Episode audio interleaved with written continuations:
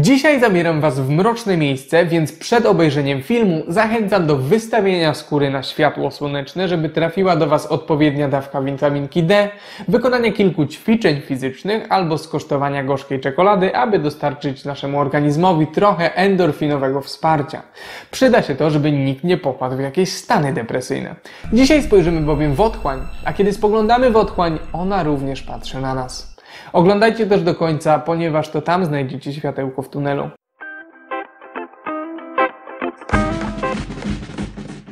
Dzień dobry, z tej strony Huberti. Bardzo miło mi Was widzieć na kolejnym piątku z Pankracem.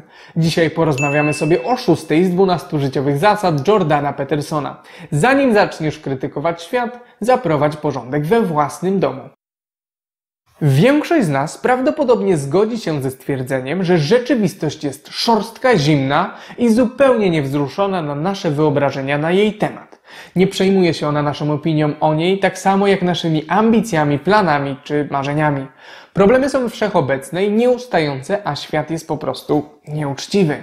Niektórzy pójdą nawet o krok dalej i powiedzą, że życie jest po prostu cierpieniem, przeplatanym jedynie momentami radości. Co możemy zrobić, kiedy zauważymy w głowie takie myśli? Jak działać, kiedy stajemy się zgorzkniali? Zaczniemy od tego, jak nie działać, ponieważ Peterson wskazuje, że tego typu myślenie może mieć bardzo przykre konsekwencje.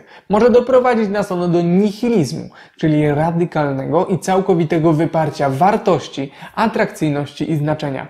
Podejmując się tego typu krytyki otaczającej nas rzeczywistości, możemy łatwo stanąć w swojej głowie na stanowisku sędziego, który to decyduje o tym, co jest dobre, a co nie. Co gorsza, możemy postanowić, że my powinniśmy wykonywać wyroki i powinniśmy poprawiać rzeczywistość, a jeśli to niemożliwe, to przynajmniej zemścić się na niej za jej niedoskonałość i za krzywdę, jaką nam wyrządziła. Okazuje się jednak, że niełatwo jest zmienić cały świat, a ludzie, którzy wpadli w tę pułapkę rozczarowania, żalu i pretensji, będą raczej karać wszystkich wokół za swoje cierpienia. Ta mentalność popycha ich do odrzucenia życia jako takiego i mogą nawet dojść do wniosku, że nie powinno ono istnieć i następnego kroku, czyli własnoręcznej eliminacji życia. Peterson pisze, że to właśnie takie próby tych osób prowadzić mogą do zamachów, zabójstw i tragedii. Nie chciałbym, żeby moi widzowie eliminowali jakiekolwiek życie, no, chyba że chodzi o komary. Spróbujmy tak czy inaczej znaleźć odrobinę mniej destruktywne wyrażanie swojego niezadowolenia. Zastanówmy się chwilę nad tym, skąd bierze się cierpienie, które nas dotyka. Moglibyśmy winić za nie kogoś innego, czy nawet wszystkich innych, co na pewno byłoby wygodne. Możemy też pomyśleć sobie, cóż, nie podoba mi się moje życie i to, w jaki sposób się rozwija. Czy zrobiłem wszystko, żeby było inaczej? Czy spróbowałem wszelkich sposobów, żeby wyprostować swoje życie? Zaskakująco, znacznie lepiej byłoby dla nas, gdybyśmy na te pytania odpowiedzieli nie. Jeżeli to my jesteśmy odpowiedzialni za ból, który odczuwamy, to również my możemy zmienić naszą sytuację lub przynajmniej zabezpieczyć się przed kolejnymi przykrymi doświadczeniami.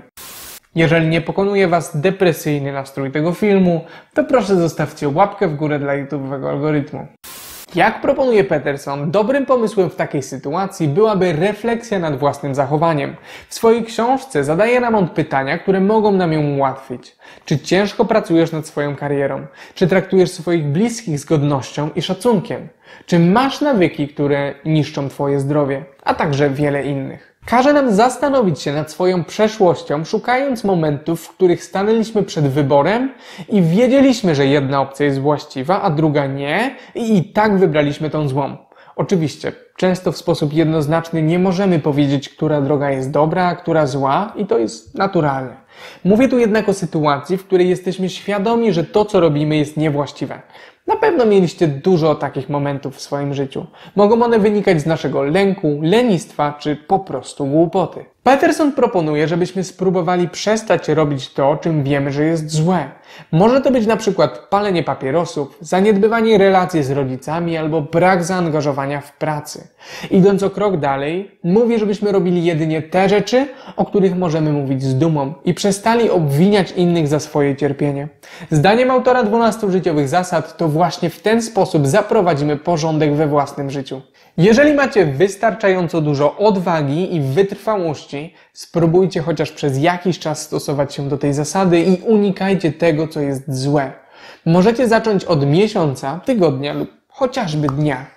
Na początku dla niektórych może to być dosyć trudne, ale przypuszczam, że rezultaty mogą Was zaskoczyć. Autor książki wierzy, że gdybyśmy wszyscy dokonali tych małych zmian w swoim życiu, cały świat stałby się piękniejszym miejscem. I chociaż na pewno nie uda nam się namówić do tego wszystkich, to może zwyczajnie spróbujmy być dla nich dobrym przykładem.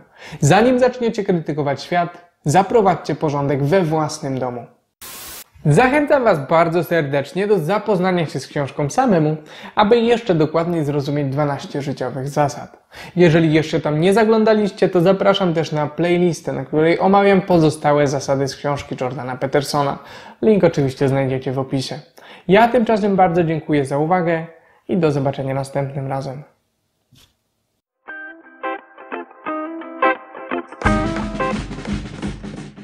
Tych komarów, co tam wspominałem w filmie, to też nie zabijajcie nie wiadomo ile, bo, bo będę je miał na, na sumieniu.